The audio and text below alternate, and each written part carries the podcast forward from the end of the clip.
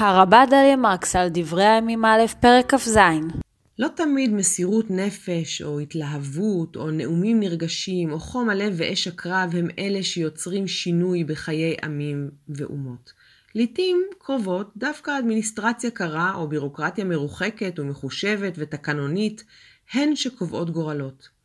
אדמיניסטרציה ובירוקרטיה עשויות ליצור מציאות בלשון היבשה והטכנית והרשימתית שלהם, ולהכריע כמו כלאחר יד בעניינים חשובים והיסטוריים. כך עולה יפה בסרט סגן הנשיא, למשל משנת 2018, המספר על דיק צ'ייני, סגנו המשעמם של הנשיא ג'ורג' W. בוש, שבדרכו התקנונית והיבשושית והשקטה הפך לאיש החזק ביותר בארצות הברית. בין הרשימות של בעלי התפקידים בפרקים האלה בספר דברי הימים א', נמצא בפרקנו, בפרק כ"ז, את רשימת שרי שבטי ישראל. לכאורה רשימת שמות טכנית, אלא שאם נבדוק אותה, נגלה בה כמה עניינים בלתי צפויים. ראשית, יש ברשימה 13 ראשים, ולא 12 כמספר השבטים. מבט נוסף יראה ששני שבטים נעדרים מן הרשימה כליל, גד ואשר. מדוע?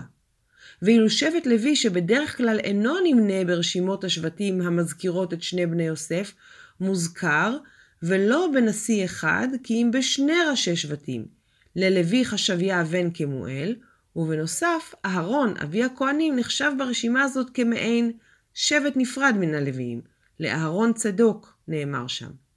גם שבט מנשה זוכה לשני ראשי שבטים, אחד לכל חצי שבט. עוד עניין מיוחד ברשימה הזאת הוא שהשבטים מסודרים או מוזכרים לפי סדר האימהות.